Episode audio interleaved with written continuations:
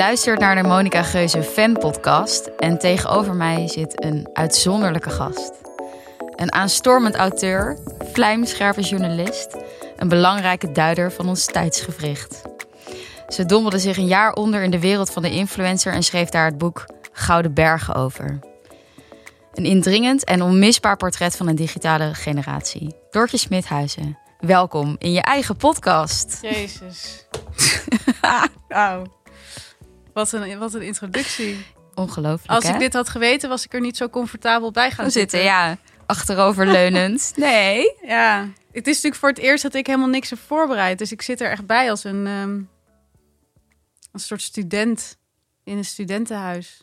Ja, Met heerlijk. benen op tafel. Maar stiekem heb je dit al twee jaar voorbereid Dat is, natuurlijk. dat is anderzijds waar. Ja, ik ben er ook weer wel- aan de lange kant mee bezig geweest. Je droomt dit boek onderhand. Ehm, nou, ik, ik, was het eigenlijk, ik was het eigenlijk wel een beetje kwijt. Ja? Nou, ik had een interview met Nederland Dagblad en toen vroeg dat meisje van... ehm, hoe kwam je eigenlijk op het idee om dit boek te schrijven? En dacht ik echt, jezus, ja, hoe kwam ik eigenlijk op het idee? Het voelde echt ineens zo lang geleden, maar ook door al dat corona-nieuws wat er tussendoor was gekomen. En gewoon de verandering van de hele wereld en alles wat we doen. En gewoon dat gewoon niks meer hetzelfde is natuurlijk. Maar eh, inmiddels ben ik eh, een interview of vijf verder en eh, weet ik het alweer. Hoe op het Gelukkig. idee was gekomen. Nou, we gaan straks eh, helemaal de diepte in. En we willen Ja. onze luisteraars natuurlijk ook vooral achter de schermen meenemen. En inzage geven in jouw proces. Eh, en alle juicy details horen. Ja, Maar eerst, eh, je raakte er al even aan. Even terug naar de coronarealiteit. Ja. Hoe is het daarmee? nou wel oké. Ik bedoel, ehm, Lijkt me wel raar, man, dat je, dat je boek uitkomt in een wereld die stil ligt. Het is ook heel raar. Ik, ik, ging, ik ging dan vandaag ophalen, want normaal wordt het dan naar de uitgeverij gestuurd natuurlijk, maar de uitgeverij is dicht. Dus mijn redacteur had zich gewoon aangeboden als soort ontvanger. Dus die kreeg al die dozen thuis. En ging bij haar ophalen. En het is dan zo raar dat je elkaar niet kan omhelzen. Ja. Zo lang ergens samen aan gewerkt. Ehm, en eh, toen nog zelf een beetje langs redacties dat boek gefietst en zo. En dan is het ook zo een beetje awkward. Ehm, maar ik vind het ook wel relaxed. Hmm. Want het, het, eh, je hebt niet al die randzaken. Ja, je hebt al genoeg randzaken, maar eh, die avondjes en zo vallen natuurlijk weg. En dat Oh, is ja. enerzijds jammer, want het is gewoon wel leuk. Maar ik merk wel dat ik het ook wel. Ik vind het al best wel eh, veel eisend. Dat had ik best wel onderschat. Gewoon een interview geven is best wel. ehm, kost best wel veel energie. Dacht ik eigenlijk, ja, stel dat ik ook nog een boekpresentatie had gehad. En nog een avond hier, een avond daar, was het eigenlijk misschien wel Beetje veel. een beetje mijn, eh mijn onderdoorgang. Maar dat zijn natuurlijk ook wel de momenten dat je boek echt tot leven komt. Dat Ja, dat is waar. En, en dat heb je dan misschien. Maar misschien komt dat later.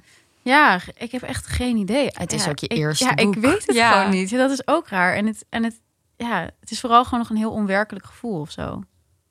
Ja. Maar ik vind hem wel heel mooi.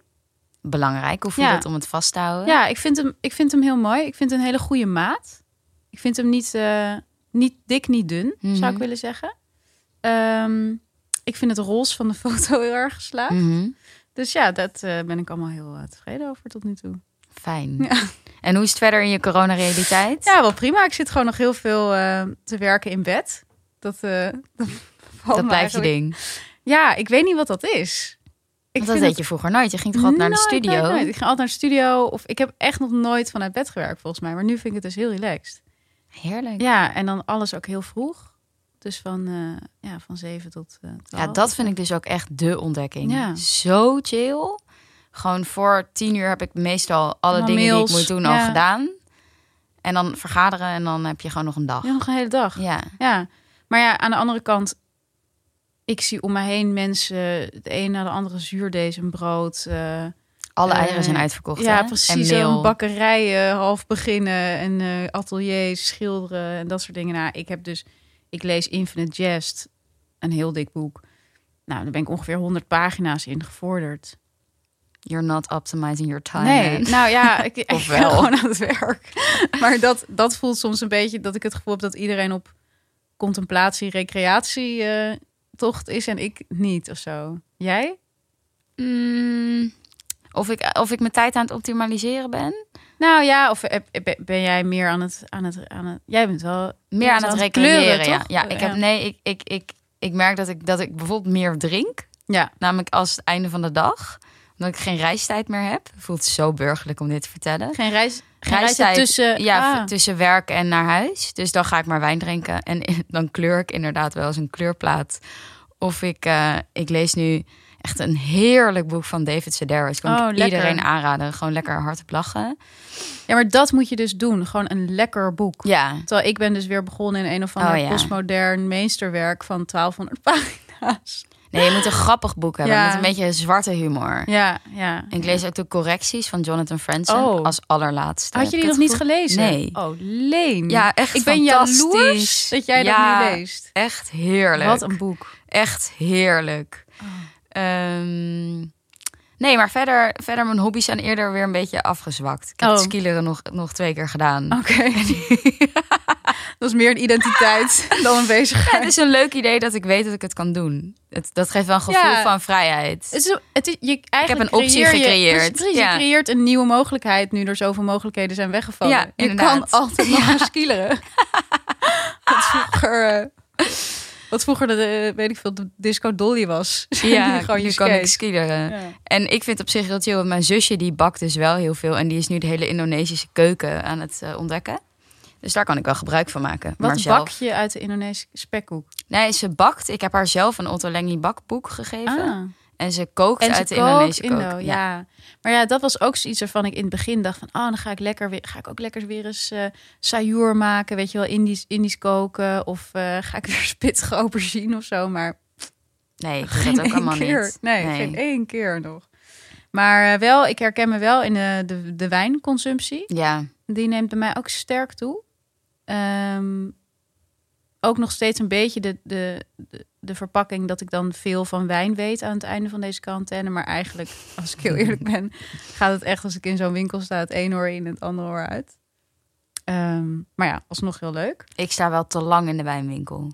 Ja, met die mensen te praten. Ja. ik ga ook naar twee verschillende. Oh, En slim. ik merk, ik werkte vroeger bij een traiteur en had je zo'n zo'n beetje de buurtalcoholist. En die kwam dan één keer per week, weet ik veel, zes flessen mooi kaap of zo kopen. En daarvan wist je dan dat ze elke dag naar een andere winkel ging. Omdat ze dan Om te spreiden. Ja, en da- zo voel ik me soms ook een beetje.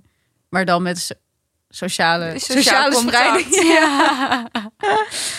Eh, Ik nee, was ook best opgelucht dat er vandaag een ander meisje stond in de wijnwinkel. Waar ga je bij Vlek? Ja, en Ja, daar ja. staat dus altijd een soort ballerige jongen die ik best wel leuk vind. Ja. En nu was ik blij dat hij er even niet was. Oké. Kon niet weer dat small talk dingetje doen. Of je gaat gewoon heel diep met iemand. Ja, ja, maar ja, goed, dan komt er een andere klant binnen, dan moet ik echt de winkel uit. Ja, Want ja dat is de meter. realiteit. Je blijft een klant. Ik blijf.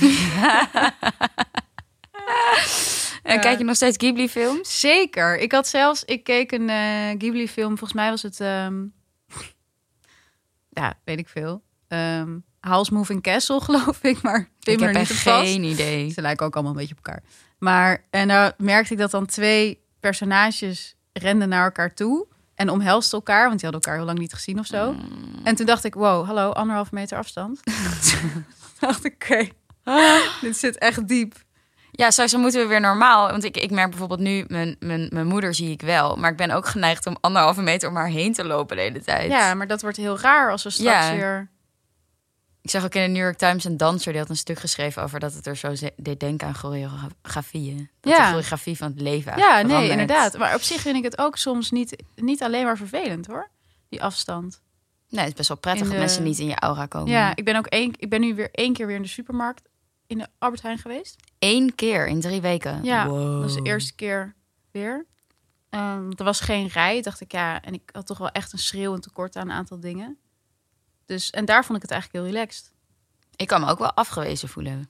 Als mensen niet, ja, Ja, door vrienden of door. ja. Maar ook als iemand met een boog om je heen loopt, is toch ook een soort primaire reactie. Je denkt, nou, is er iets mis met me? Ja, grappig, want ik, ik had het daar al helemaal in het begin over toen corona net was. Ja, Toen merkte ik ook al dat mensen het hadden en ik heb dat dus niet. Maar dat, ik denk dat Ja, dat gewoon iets is. persoonlijkheid. Ja, dat ik dat gewoon niet zie. Ik ben alleen maar Chill. bezig met, met mijn eigen pad. mijn, eigen, mijn eigen plek op het trottoir, zo gezegd. Ja, ik kijk gek genoeg alleen nog maar naar de keuringsdienst van waarde. Interesting. Ja, dat is Na het acht uur journaal. Dat is gewoon, ja, ik, Kijk je ik het acht uur binge journaal? Nee, Oh, oké. nee. Dat, eh, nee, oh, dat kijk ik elke dag. Ja? Ja, heerlijk. Waarom? Ja, vind ik heerlijk. Lekker die cijfers. Daarna in slaap vallen. Oh, ja, ja. cijfers kijken. En daarna blijf ik ook hangen soms. Voor M. Nee, dat is daarvoor. Oh, dat is daarvoor. Oh, maar nee, kunst en kitsch. Dat is, een leuk Ja, ik, programma ik hoor. vind wel echt gewoon Nederlands programma's iets heel geruststellends Ik hebben. vond echt kunst en kitsch. Er was één man die had een, eh, een set met allemaal zilveren lepels. Dat was best veel waard. Dat was best Ja. interessant. Ja. En kunstdienst van Ja. waarde is gewoon zo'n heerlijk stramien wat ze elke keer afdraaien. altijd hetzelfde. Ja. Vooral afleveringen over brood, broodmixen en croissants vind ik erg leuk. Ik vond die over granola wel. Ja, die over wel- granola is heel vond chill. vermakelijk. En het is ook altijd dat je weet dat, het, dat er, een- er komt een soort waarheid uit voort, maar die is wel een beetje, nou, een soort van shocking, maar ook niet zo ontwrichtend dat je.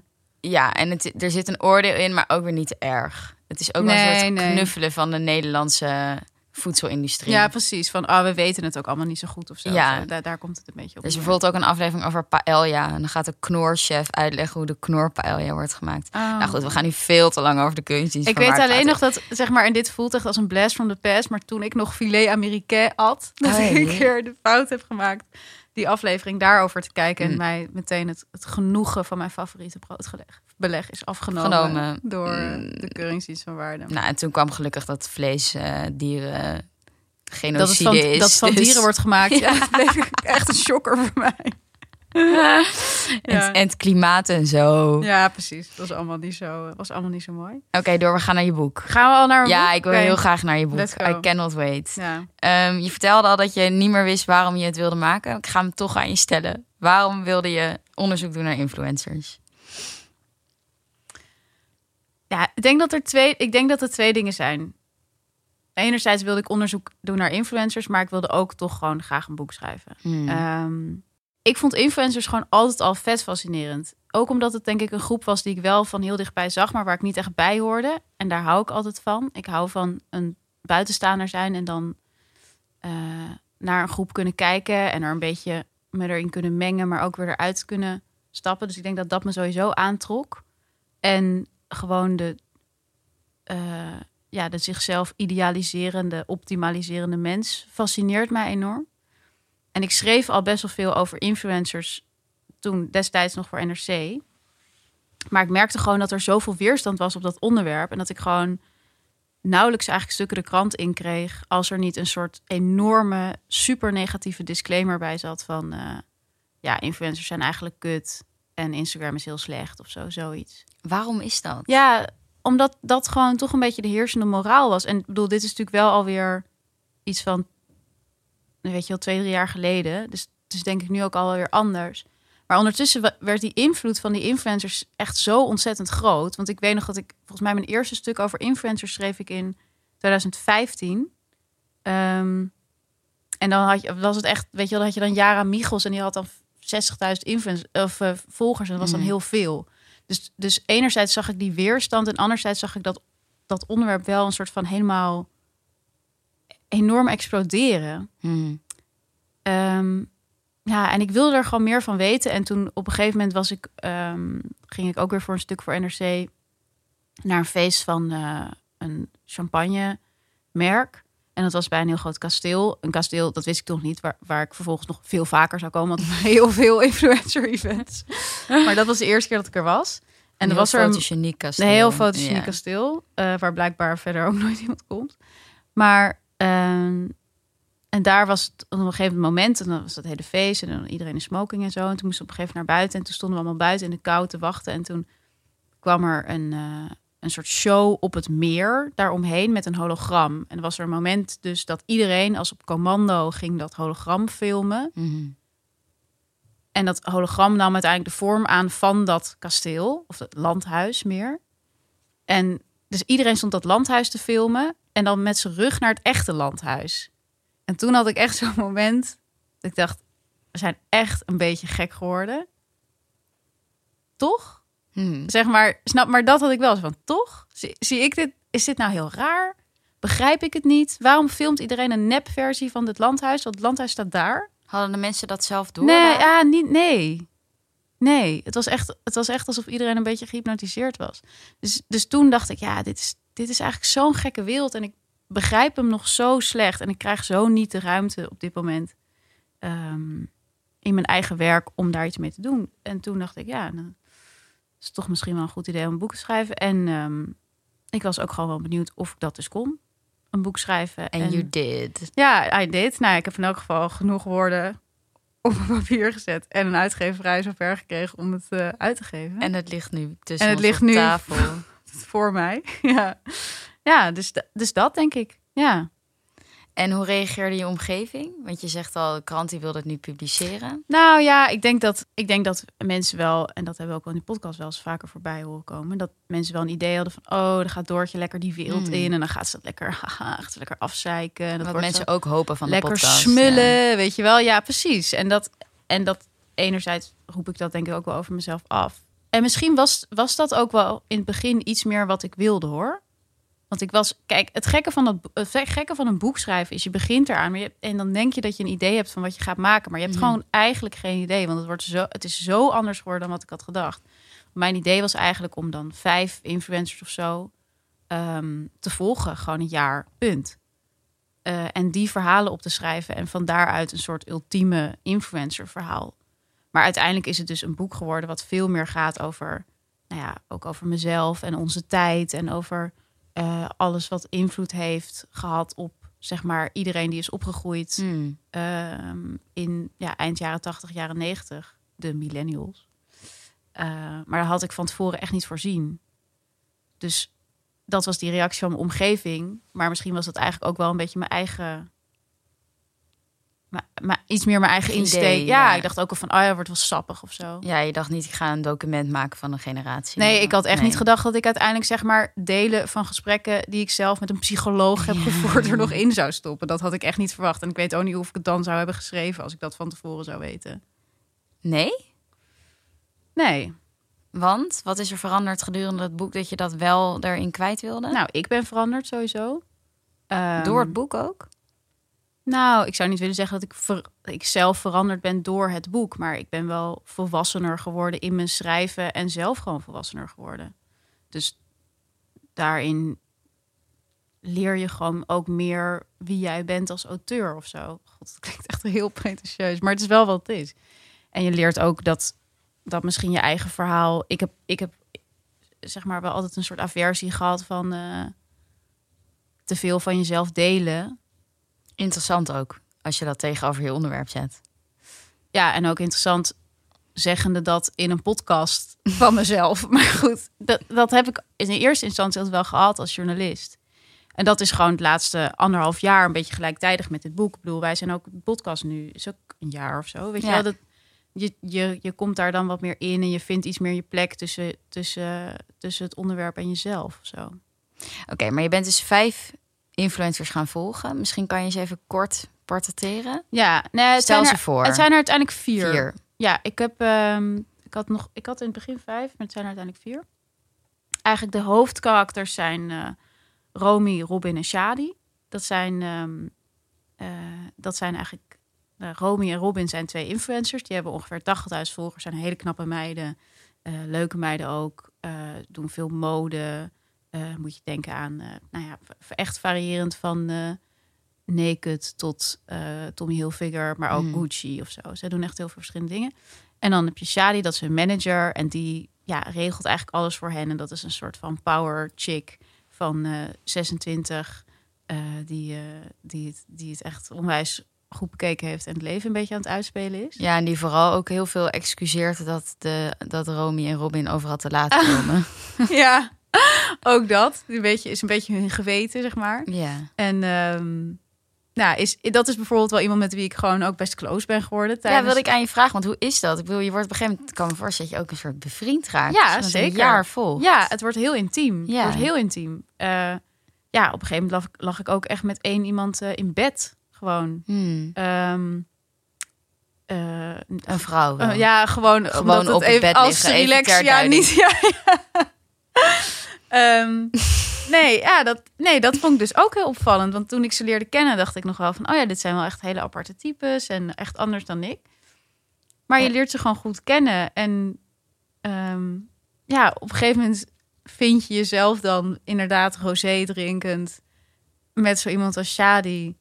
Ehm, en dat ik ergens nog wel mezelf voorhoud van... ja, dit is ook nog wel misschien kan ik, is nog interessant voor mijn boek, maar ik weet eigenlijk, Hmm. ik ben hier gewoon voor lol. Is het lastig om dan afstand te houden tot je onderwerp? Ik vond het wel spannend om het op te sturen. Hmm. Ja, ik vond het wel spannend om het op te sturen naar iedereen. Ehm, En hoe waren de reacties? nou, dus heel goed. Ja, dat is echt mijn. eh, dat, dat, dat vind ik nog steeds heel fijn. Komt dat ook omdat je jezelf denk je Ja, het boek ik hebt denk dat, geschreven? ja, dat zeker. Ik ben natuurlijk uiteindelijk best kwetsbaar nog geweest in het boek. Ehm, en ik denk dat dat heel veel verschil heeft gemaakt. Want natuurlijk, bijvoorbeeld met die documentaire die ik heb gemaakt, dan weet je, kan je zeggen, we hebben niet geoordeeld, want we hebben het alleen maar laten zien. Maar uiteindelijk neem je dan toch afstand van je onderwerp. Je, je gaat echt, je doet echt een stap naar achter, bijna letterlijk, Mhm. door jezelf niet erin te, in te monteren. Ja, eigenlijk hou je een soort truc uit door te doen alsof je er niet bent. Ja. Terwijl je bent er Ja, je maakt jezelf onzichtbaar. Wel. Ja. Terwijl op het moment dat ik dus ehm, me een beetje ga mengen. En nou ja, dat, is- dat is dus een beetje ja, de catch van het boek. Van op een gegeven moment eh, begin ik dus in te zien dat ik veel meer zelf op die influencers lijk dan, ehm, dan ik in eerste instantie dacht. Ehm, en beschrijf ik waarom. En dat heb ik wel van hen allemaal teruggekregen. Dat ze dat eigenlijk heel leuk vonden en heel fijn. Want daardoor voelden ze zich ook niet alleen Hmm. in hun delen, snap je? Ja, snap ik heel goed. Ehm, dus nee, dat was, heel, dat is eigenlijk heel, eh, heel, heel leuk. En, eh dus we hebben Romy, Robin en en Shadi. Nou dat is zeg maar de, dan een beetje de hoofdlijn. En dan heb je daarnaast heb je Eva, dat is een, een moeder-influencer die in een hele vervelende scheiding Fantastisch figuur zit. wel. Ja, ja, een hele, hele toffe meid. Zij corrigeert zichzelf ook de hele Ja. tijd. Zo interessant. Ja, is boeiend. Maar zij is ook wel echt iemand met wie je een wijntje wil drinken, toch? Ja, ja. maar vooral hoe ze meta-commentaar geeft op haar eigen vlogs. Ja, ja. Echt het is, eh, hele echt interessante alle kanten. Ja, ja, ja. Dus dat was ook een heel, heel leuk avontuur. Dan heb je nog eh Dorrit. Die heeft een, eh, eh, een platform, een eigen platform waarop influencers zich kunnen inschrijven, zodat marketeers ze kunnen vinden.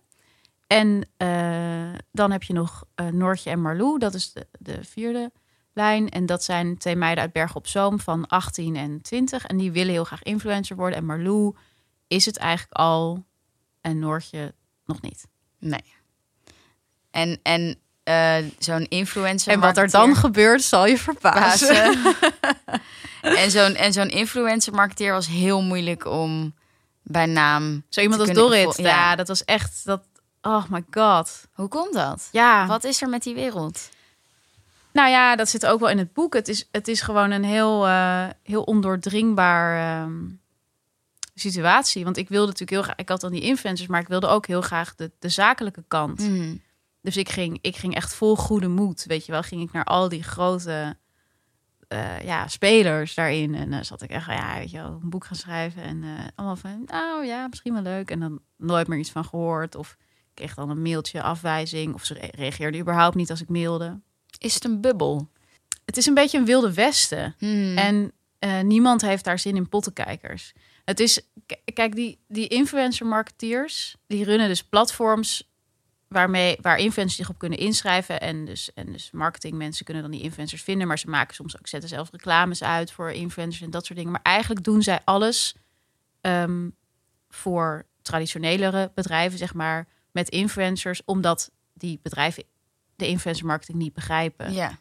Maar dat is natuurlijk precies hun bread and butter. Mhm. Dat niemand begrijpt wat ze doen. En omdat niemand begrijpt wat ze doen, zijn ze super vrij. Met andere woorden, ze doen wat ze willen. Ja. En ze vragen bedragen waarvan je je kan afvragen: ja, waar Ja, slaat dit op? Want meet iemand de effecten van influencer? Nou ja, steeds meer dus. Dus dat is Mm. ook echt wel veranderd vanaf dat ik ermee begon. Toen ik ermee begon was het gewoon zoiets van... dan zeiden ze, ja, dat- hier zijn de data. En dan kwam er een set met cijfers. En dan zaten die marketeers er van... oké, het zal wel. Dan nu zijn natuurlijk de meeste grote bedrijven... weet je, een Unilever of een Nike Mm. of zo... Die, hebben, die hebben gewoon mensen in dienst die heel goed weten hoe Instagram werkt. Dus die, die vragen gewoon op van... Hey, hoe zit het met conversie? Eh, hoeveel mensen hebben doorgeklikt naar dit of dat? Weet je, hoeveel mensen hebben swipe-up gedaan? Hoeveel mensen hebben daaruit dan weer? Maar dat was zeker in het begin was dat er helemaal niet. En dat, daar kwamen echt verhalen uit voor. Want dat was op een gegeven moment dacht ik, oké, ik kom echt niet binnen bij die bedrijven. Mhm. Dan ga ik maar heel veel mensen eromheen spreken. Ehm of the record. Eh, en vaak echt nog een mailtje gestuurd van hierbij laat ik je weten dat, dat, ik hier niks mee ga doen en zo. En dan be- begon je wel te begrijpen waarom die mensen ook niet met mij wilden praten. Omdat er gewoon ook heel veel werd gesjoemeld met geld. En ehm, ja, allemaal dingen werden gedaan die helemaal niet, eh, die eigenlijk helemaal niet door de beugel kunnen. Bedra eh, deel van budgetten in eigen zak stoppen door zo'n influencer marketingbedrijf. Omdat, ja, omdat zo'n eh, bijvoorbeeld dan zeggen ze ja, je hebt, eh, je hebt 20.000 euro om influencers in te huren. En dan zeggen ze tegen die influencer omdat ze 10.000 euro hebben, weet je wel. Dan Hmm. 10.000 euro over. Nou, ja, dat soort dingen. Nou, je bent dus ook op tientallen pers-events geweest. Ja, Ik ben zo benieuwd, hoe voel je je daar? ja weird of zo. Hoe gedroegen ook- aanwezigen zich? Underdressed. Oh, dat ja. is heel raar is. Want eigenlijk vind ik het dus heel, heel weird om zeg maar op dinsdag om tien uur 's ochtends in het conservatoriumhotel binnen te komen op zeg maar Louboutins en met hele, heel veel make-up en gewoon super opgemaakt en, en, en uitgedost. Dacht ik wel, nou, ik ben blij dat ik gewoon mijn spijkerbroek aan heb. Maar ja, ope- opeens sta je dan omringd door zeg maar 50 van dat soort mensen. En denk je toch een beetje, ja, ik voel me toch een beetje een loser of zo. Dat je Mhm. dan zo. Eh, dat, dat bleef ook een onderwerp met Shadi en Romy, dat ik dan nooit make-up op had. Dat, kon, dat konden zij niet echt loslaten en ik kon het ook niet loslaten. En dat zit ook in een boek van op een gegeven moment laat ik Shadi me maar gewoon opmaken. En dan voel ik me ook ineens heel, heel erg één met hen of zo. Ja, jij pas je niet aan, aan, aan Instagram eigenlijk in die zin. Nee, maar uiteindelijk ga ik me dus wel aanpassen aan hen. Ja, ja, ja. Och, ook wel grappig dat je dus het heel fijn vindt om buitenstaander te zijn van een groep, maar uiteindelijk toch Ja, ga ik er toch iets te veel in. Ja, ik er toch iets te veel in.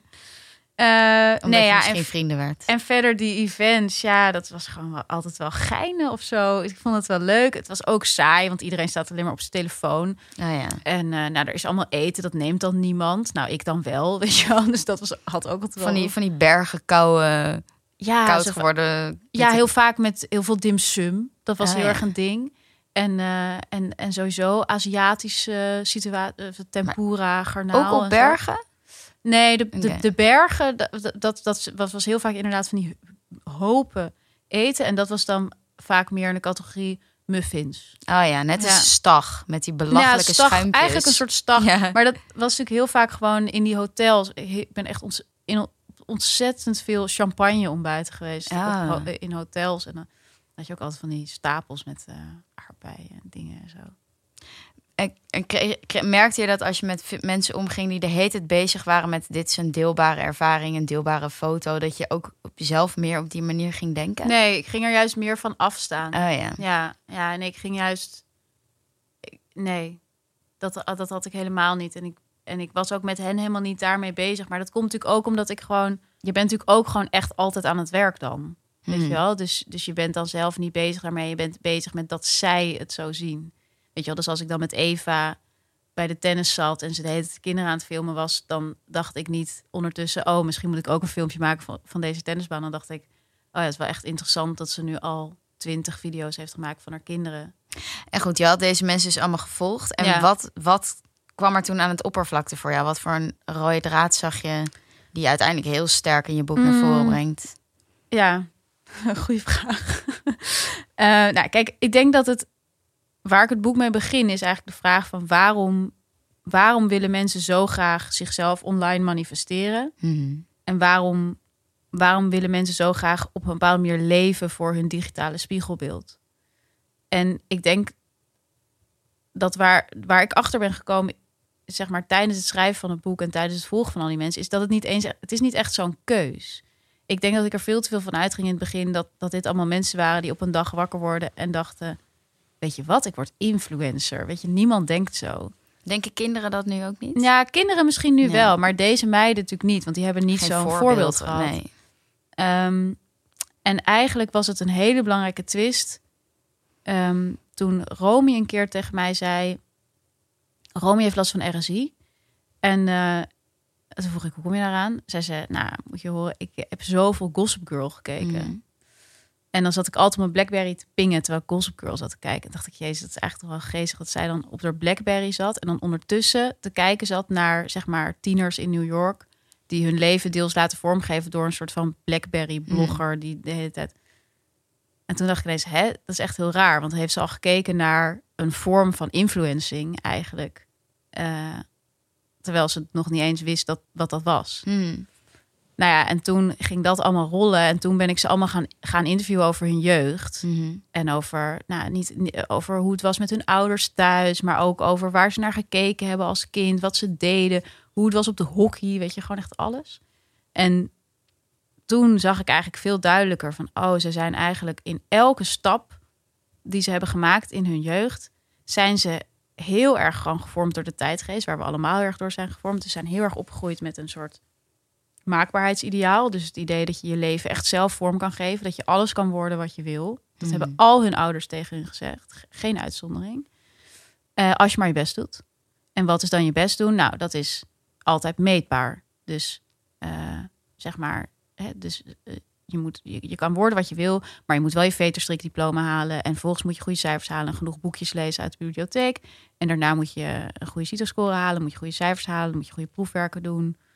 Weet ik veel, eindexamen, tentamen, nou ga zo maar door. Wat je ook allemaal al in Gossip Girl ziet. Precies. Ja. Het is gewoon super meritocratisch. Mhm. Ehm, en dat dacht ik, oh, dat is heel interessant, want dat, dat vat heel erg deze tijdgeest.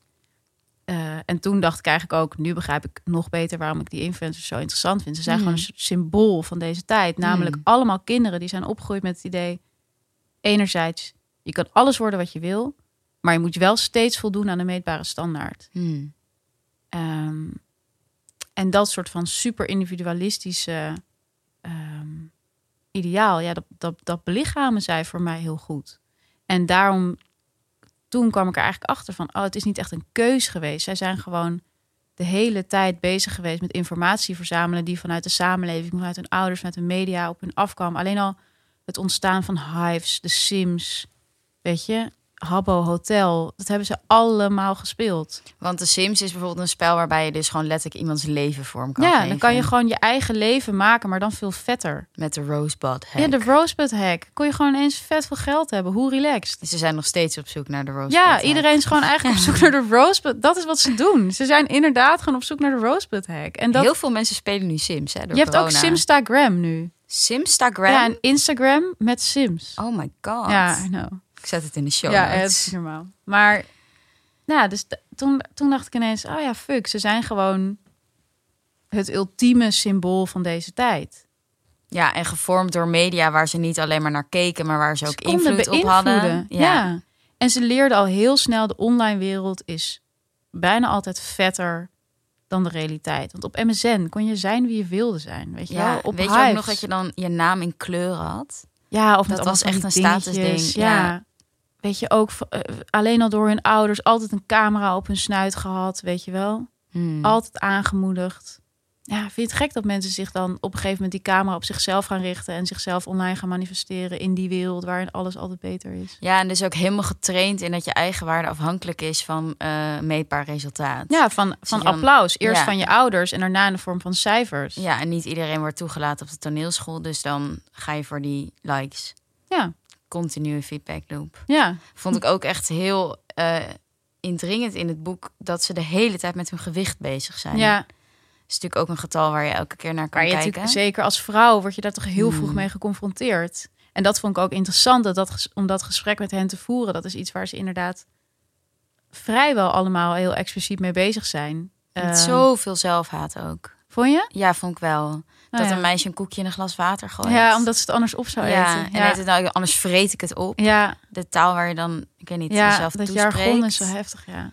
Shadi heeft dat minder. Shadi, volgens mij, maar Shadi zit al lekker in de vel. Maakt niet uit hoe Ja, hoe maar ja, ziet. ik, ze hebben het allemaal. Ja, dus dat, dat. Nou ja, ik had het natuurlijk opgestuurd naar, naar Shadi ook. En die zei toen op een gegeven moment. eh, dat staat ook uiteindelijk in het boek. Ze zei: Hey Door, ik ben trouwens vijf kilo aangekomen. Dat moet nog in je boek. Weet je wel? Dus Oh, dat, is echt vet. ja, dat ze gewoon weet, oh, je, je neemt dat mee. Dus, dus, dus dit hoort daar ook bij. Nee, maar dat is natuurlijk een, de ultieme vorm van de combinatie van maakbaarheid en meetbaarheid. Hmm. Er is altijd een, streef, een streven, namelijk voor bijna iedereen minder wegen dan nu. En dat is te behalen, namelijk door. Nou, tot je dood gaat. ja, dan tot dus. je, maar ja, door, weet je wel, nou, wat, wat doen ze allemaal? Weet je wel, min, minder eten, nieuw physics, eh hit, Ja. dat soort dingen. Ja. Ja, er zit ook een scène in je boek dat je een meisje in de koffiecompany een foto ziet posten Ja. in de hoop op 2000 likes. En dan vraag je er, en dan? ja, En dan zegt ze, ja, weet ik niet. Ja, ik weet het nog heel goed. Het was ook echt helemaal in het begin dat ik hiermee bezig was. En dat ook lijkt me ook wel echt een vormend moment in je gedachten daarover. Voor haar of voor mij? Nee, voor jou. Dat je opeens ziet van, wow, het is eigenlijk een... Niemand weet waar het heen gaat. Nee. Ja, dat is het natuurlijk. En dat is natuurlijk het verslaven. En daarom vind ik het ook weer zo'n goede metafoor voor het hele leven eigenlijk. Gewoon, ze zijn allemaal bezig met steeds meer likes, steeds meer volgers.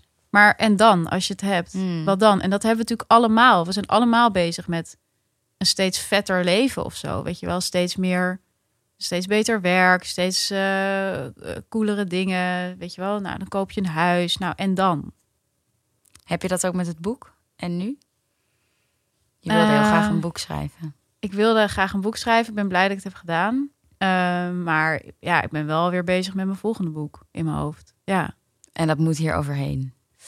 Ehm, Heb je, heb je in je hoofd wat je wil dat het verkoopt? nee. Oh. Nee, dat is wel. Ik heb het heel erg geschreven gewoon voor mezelf. En omdat ik, ja, wat ik zei, omdat ik wilde kijken of ik het kon. En ehm, ook echt als een stap in mijn werk. Gewoon een interessant experiment. Eh, nee, dus dat heb ik niet. Dus daarom ben ik ook nu een beetje met. ehm, nou, ik zit nu dan in zo'n fase dat, dat ik dan misschien naar bepaalde talkshows ga.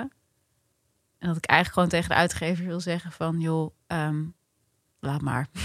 ik heb eigenlijk geen zin. Is dat denk je ook wat, wat die influencers het liefste zouden willen? Zo'n groot publiek? Of heeft het juist een soort veiligheid dat je een geregisseerd, organisch gegroeid publiek hebt? Ehm, ja, hoe groot publiek dan? Miljoen of zo? Ja, het is ook wel een heel andere soort exposure dan je mega geregisseerde selfie natuurlijk. Maar wat is een andere soort exposure? Zo'n talkshow of zo? Ja, Nou, je merkt wel dat... Kijk, er is natuurlijk gewoon heel veel influencer-inflatie. Dat Hmm. zit ook wel in mijn boek, maar dat, dat zie je nu nog steeds wel meer. Dat je gewoon... Ja, vroeger, of zo van drie, vier jaar geleden... was het echt nog best wel uniek als iemand dan 100.000 volgers had. Terwijl nu val je daar echt niet meer stijl van achterover, toch? Als iemand dat heeft. En dat, Mhm. dat, dat is gewoon heel erg aan de hand. En je merkt gewoon bij die influencers ook... en dat vond ik ook heel interessant... zij voelen ook dat dédain waarmee er over ja. ze wordt gesproken... Ze praten ook met best veel ironie over zichzelf. over zichzelf. Ja. En, dat, en, en dus dat en dat er steeds meer bij komen. Dus zij voelen ook die druk van we Heel moeten... metamodern. Ja, inderdaad. Maar zij, zij denken van ja, we moeten ook die stap maken naar traditionele Ja, media. ja ook, om- ook omdat ze anders natuurlijk totaal afhankelijk zijn van Instagram Nou, ja, en totaal, YouTube. Ja, maar en- dat zie, dat, is- en dat zie je nu natuurlijk ook wel weer. Maar, eh, dus dat was ook wel iets waar Romy en Robin voor best veel mee bezig waren. Dat ze dan, eh en Shadi, dat ze dan probeerden om via van die mediabureaus meer naar tv en zo te gaan. Ja, of een boek te maken. Of een boek. Ja. Ja. Kan ook Hey, altijd. en eh, zag je ook aan die meisjes wat het met ze deed? Dat hun hele, letterlijk economische waarde, hun hele identiteit afhankelijk is van dat beeld wat ze van zichzelf maken? Ja, dat verschilt dus heel erg per persoon. Hm. En ehm, kijk, je hebt zo'n Romy en die is gewoon heel zakelijk. Die kan gewoon echt accepteren. Dat zit ook heel erg bijvoorbeeld in het begin van het boek. Dan moet ze naar een evenement, maar ze heeft geen tijd. En dan zegt ze, dan wordt uiteindelijk besloten dat Shadi een filmpje gaat maken op dat evenement. En dan post Romy het. Ja. ja. maar dan denk je, nou, dat is dan een beetje bedrog. Maar aan de andere kant, wat maakt het uit? Weet je wel, want het staat gewoon op haar pagina. Dus het is gewoon, het is, het is in principe haar identiteit die daarmee wordt Mhm. gelinkt. Ja, als het gewoon een merk is. Ja. Ja. Dus ja, dus zij kon dat wel goed scheiden. Maar wa- waar het lastiger wordt, is op het moment dat, eh, ja, inderdaad, dat beeld en dat, dat billboard, wat je ook op een bepaalde manier wordt, Hm. als je dat toch gaat verwarren met wie je echt bent Hm. en wie je ook wil zijn, misschien. Dus dat zie je heel goed bij Eva. Dat is dan die, die moeder die een scheiding Zo heeft. fascinerend dat zij begonnen is met influencer omdat ze zichzelf niet kende. Ja, dat je niet denkt, wist wat ja. ze wilde. Ja, ja. Nou ja, dan is dus de motivatie al eigenlijk heel krom. Maar een hele rare motivatie Ja. ook. Nou ja, en dan ver- verwacht je dat het je antwoorden gaat geven. Ja. Dat, dat kan natuurlijk niet. En zij, en zij ging zichzelf, ging, gaat zichzelf gewoon erg identificeren met, met die, ja, die schijnversie die ze van zichzelf maakt. Waardoor haar echte leven alleen maar tegenvalt. Mm. Weet je, zij, zij, zij was dan samen met een of andere hele rijke gast. En wonen aan het Vondelpark en zo. Dat gaat dan uit. En dan ehm, ja, zit ze op ineens een hele krappe Airbnb. Maar dan moet ze nog wel dat hele mooie leven in stand Ja. houden op Instagram. En dat, gaat dat, dat gaat haar echt achtervolgen op een gegeven moment. Dat, dat kan je natuurlijk helemaal niet meer bijhouden als je, als je gewoon serieus geen geld hebt voor broodbeleg. Dan moet je echt ook helemaal leven naar wat je publiek wil. Ja, Dat lijkt me echt heel nou, intens. het is dus niet eens wat je publiek wil. Het is meer wat je zelf hebt bedacht dat je publiek wil. Ja, ja, je moet steeds voldoen aan je eigen merkidentiteit. Ja. Hey, en ouders spelen ook een hele belangrijke rol in je boek. Dat Ja. kwam dus omdat je ze ging interviewen over hun jeugd. Ja. Het zit ook in je docu. ja. Hoe, hoe komt het dat die ouders zo gebrand waren op hun kinderen een speciaal gevoel geven? En Ja, hoe komt dat? Nou ja, zeg maar, over de hele linie of zo kan je zeggen dat ehm, de ouders van de millennials hadden weer ouders die zeker nog één wereldoorlog hadden meegemaakt. Dus die Mm. gewoon hele behoudende idealen hadden. Gewoon van eh, gewoon een veilig thuis creëren, goede baan, niet te veel, eh, niet te veel gekkigheid. Ja. En, eh, en, en een paar kinderen en Calvinisten. that's it. ja, En daardoor zijn natuurlijk, nou, je hebt natuurlijk altijd actie-reactie. Dus da- daardoor zijn die, de, de ouders van de millennials, dus ja, de babyboomers of iets eerder of iets later, zijn daardoor juist heel erg bezig gegaan met, weet je wel, eh, zelf ontplooien, juist, eh, weet je wel, jezelf ontdekken, niet alleen maar op zoek gaan naar eh, veiligheid, maar ook, nou ja, echt kijken wat wil ik uit het leven en dat soort dingen. En dat was voor hen echt een verworvenheid. Maar goed, vervolgens krijgen die mensen weer kinderen. Dat zijn wij dan, zeg maar. En tegen die generatie wordt dan gezegd meteen... Je kan alles wat je wil, weet je wel. Je mag, je mag alles doen. Het is super vrij hier. Het is Mm. echt een soort overload aan vrijheid... Die je ook niet, waar je ook niet zelf voor hebt hoeven strijden. Want dat was er gewoon al toen je geboren werd. Het is je met de paplepel ingegoten. En ervaarde jij dat zelf ook? eh, ja, Hoe dan? Wat deden je ouders? Nou, wel eh, dat, dat die spagaat van enerzijds die vrijheid en anderzijds die meetbaarheid heb ik wel sterk ervaren. Ja, Mhm. ja tuurlijk. Ja, zeker. En hoe werken die vrijheid en die meetbaarheid dan samen? Nou ja, kijk, Staat dat is heel ding. haaks op ja, het is elkaar. heel, het is heel raar. Het is heel raar. Het is een hele rare paradox. En dat is denk ik waarom die vrijheid voor heel veel mensen ook voelt als een soort juk, als een Mhm. opdracht, in plaats van Het is ook een echt schijnvrijheid. Ja, de schijnvrijheid totaal. binnen de spelregels Ja, van Instagram, van- zeg maar. Ja, maar en van gewoon de samenleving. Ja, een CITO-toets. Ja, een CITO-toets, maar later ook werk. Een Wanneer ben, je, wanneer ben je succesvol? Weet je wel? Ja. Nou, dat heeft al te maken met een bepaalde status, een bepaald salaris. Weet je, de, de mensen die gewoon iets doen omdat ze het leuk vinden. Hmm. Die zijn toch super schaars? En dan altijd. Maar dat is ons ook aangepraat. Doe vooral iets wat je leuk vindt.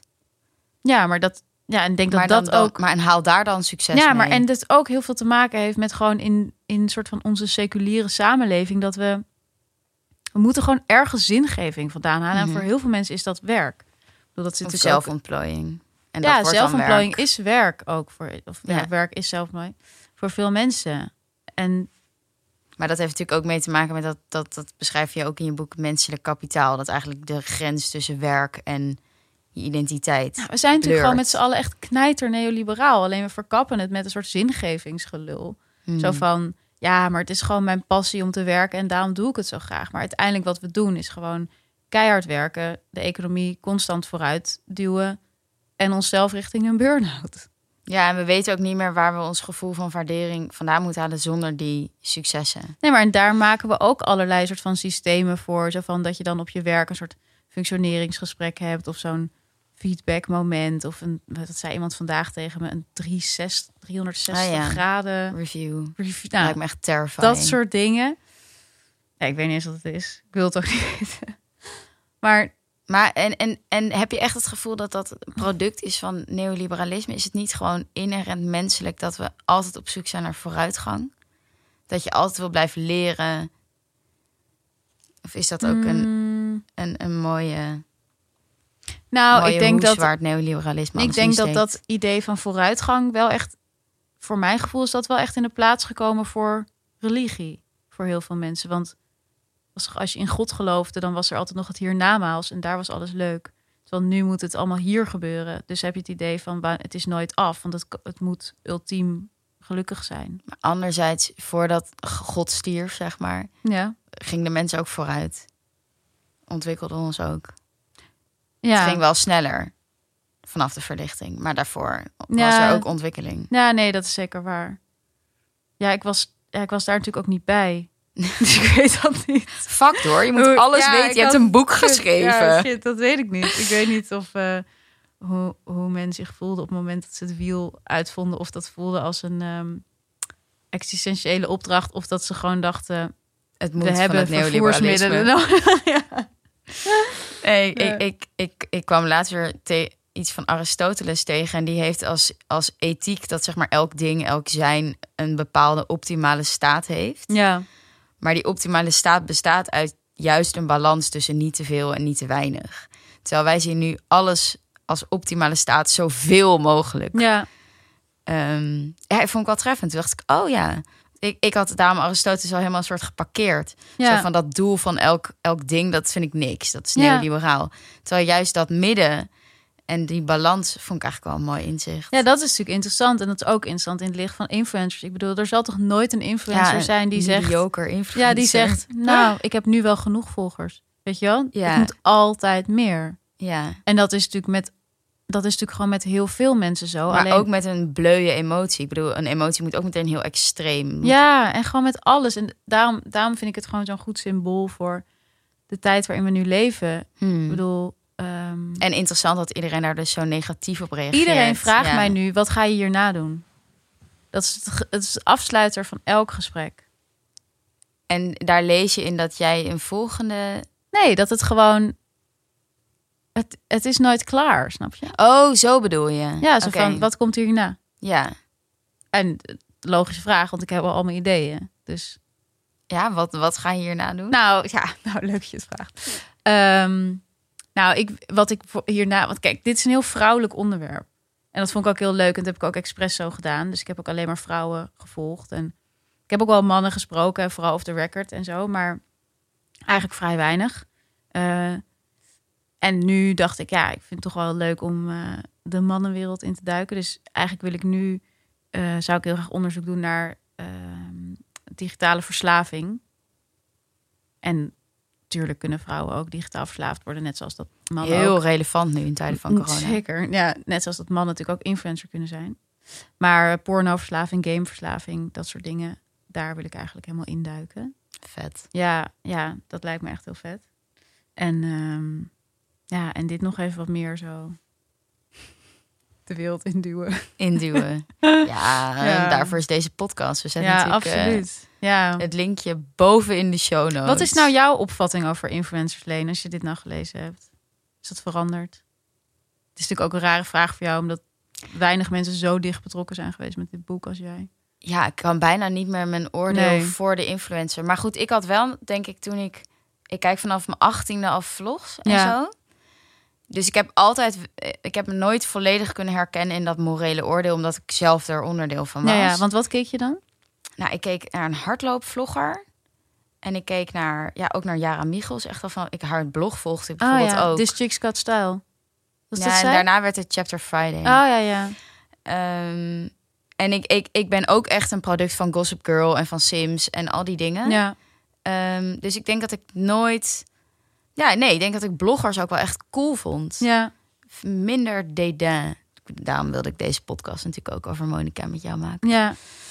Ehm, maar wat ik heel interessant eraan vind, is dat je dus een symbool hebt gevonden voor onze tijdsgeest, waar vrijwel iedereen heel negatief over Ja. is.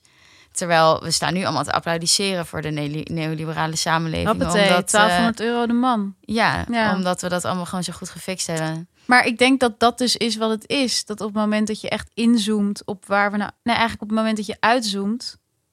Nou ja, dat je dus economisch ben je heel blij met het systeem, maar cultureel helemaal niet. Ja. Of psychisch, of filosofisch. Of... Nou ja, en dat is wat veel mensen ook vragen van...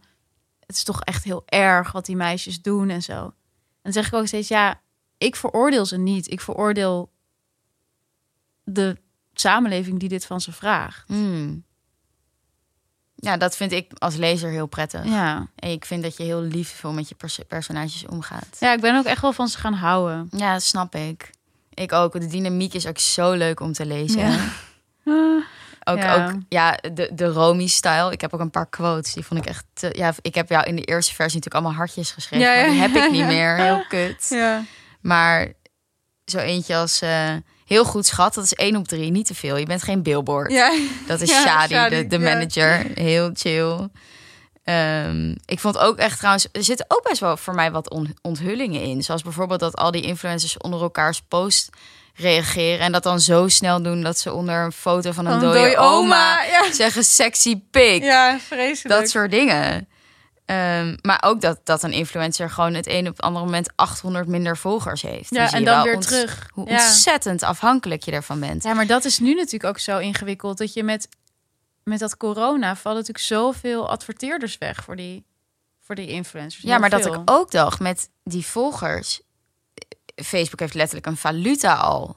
Ze, willen ze willen munt in de, in de wereld helpen, maar eigenlijk hebben ze al valuta. Ja. Ik bedoel, hoe dat meisje geld verdient is afhankelijk van iets wat niemand ziet Ja. achter de schermen.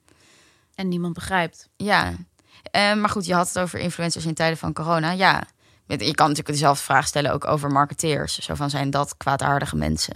Volgens mij niet. Nee. Nee, dat sowieso niet. Maar ik vind het wel interessant om te zien dat, ehm, dat nu wel die schijnzelfstandigheid zo duidelijk wordt. Mm, Dus ja, dat hun adverteerders vallen allemaal weg. Ja. En dan hebben ze gewoon echt geen poot om te staan. ja en hun leven valt natuurlijk ook weg, Instagram ze couldn't delen. care less. Weet je wel? Want die zijn die... Maar uiteindelijk heeft Instagram verdiend aan advertenties. Ja, maar niet aan advertenties van influencers. Ja, maar wel aan hoeveel zij het gebruiken. Ja, aan hun, aan hun trafficking. Ja. Maar, maar ik denk niet dat dat dus minder wordt. Want iedereen zit nu toch op, op, Op zijn Instagram. telefoon.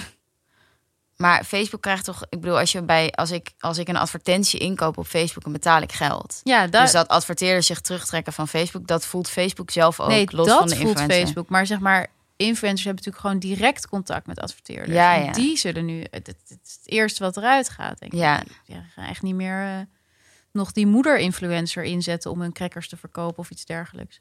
Dus dat gaat allemaal wegvallen. En dan ga je natuurlijk wel zien van... oh, ik dacht dat ik een heel interessant soort van zelfstandig BV had... Ja, en je hebt Ehm, geen pers-events meer. Nee, Er valt ook niks meer je te ziet laten ineens zien. hoe super afhankelijk je eigenlijk bent Ja. van, van zoveel verschillende dingen. Ja, want dat is natuurlijk wat ze allemaal Schijn wilden. zelfstandigheid. Dat je, dat je gewoon geen baas hebt. Dat is de droom. Ja, je Jezelf zelf- maken. Ja. ja, waarom is dat ooit een droom geworden, jezelf maken? Ja, het is gewoon, we zijn gewoon heel individualistisch en geobsedeerd met succes. Ja. Ben je Dus- dat zelf ook? Ehm, ik ben wel individualistisch. Hmm. Ja, we hebben vaak deze discussie. Ja, jij bent minder nou ja, nee, dat, dat, dat jij het idee hebt dat je echt helemaal vanuit jezelf kan handelen. En ik heb het gevoel dat ik dat nooit kan. Mm. Het altijd verbonden is met de omstandigheden, de mensen, de dingen. Ja, maar dat is natuurlijk ook wel zo. Want uiteindelijk, dat, ik bedoel, ik, ik eh, interviewde Esther Perel en die zei dat ook goed. Van uiteindelijk is je identiteit is gewoon je relaties. Ja. Je, je privérelaties, maar ook je werkrelaties. En de ene heeft gewoon een hogere tolerantie voor onzekerheid. Hmm. En de ander heeft een hogere tolerantie voor onvrijheid. En de generatie is dus opgegroeid met heel veel vrijheid en weinig behoefte aan zekerheid. En heeft Mm. gekozen voor een schijnzekerheid. Nou, en veel mensen, maar ik weet niet of, of... Ja, het is natuurlijk die vrijheid lag er denk ik meer in. Niet zozeer van word allemaal ZZP'er. Hmm. Maar meer doe allemaal wat je wil. En hoe je je dan ontwikkelt, dat kan dan natuurlijk ook weer alle kanten op gaan. Want er zijn natuurlijk ook veel mensen die vanuit vrijheid kiezen voor een baan op de Zuidas of zo. Ja. Ja, ja, ja, dat is waar. En, en ben je anders naar Monica gaan kijken door je boek? Nee, niet echt, denk ik. Het, was wel, het hielp wel dat ik dat veel had gekeken, Hmm. merkte ik. Kon ik er echt over meelullen Ja, op zo'n event. dynamiek ja. ook, ja.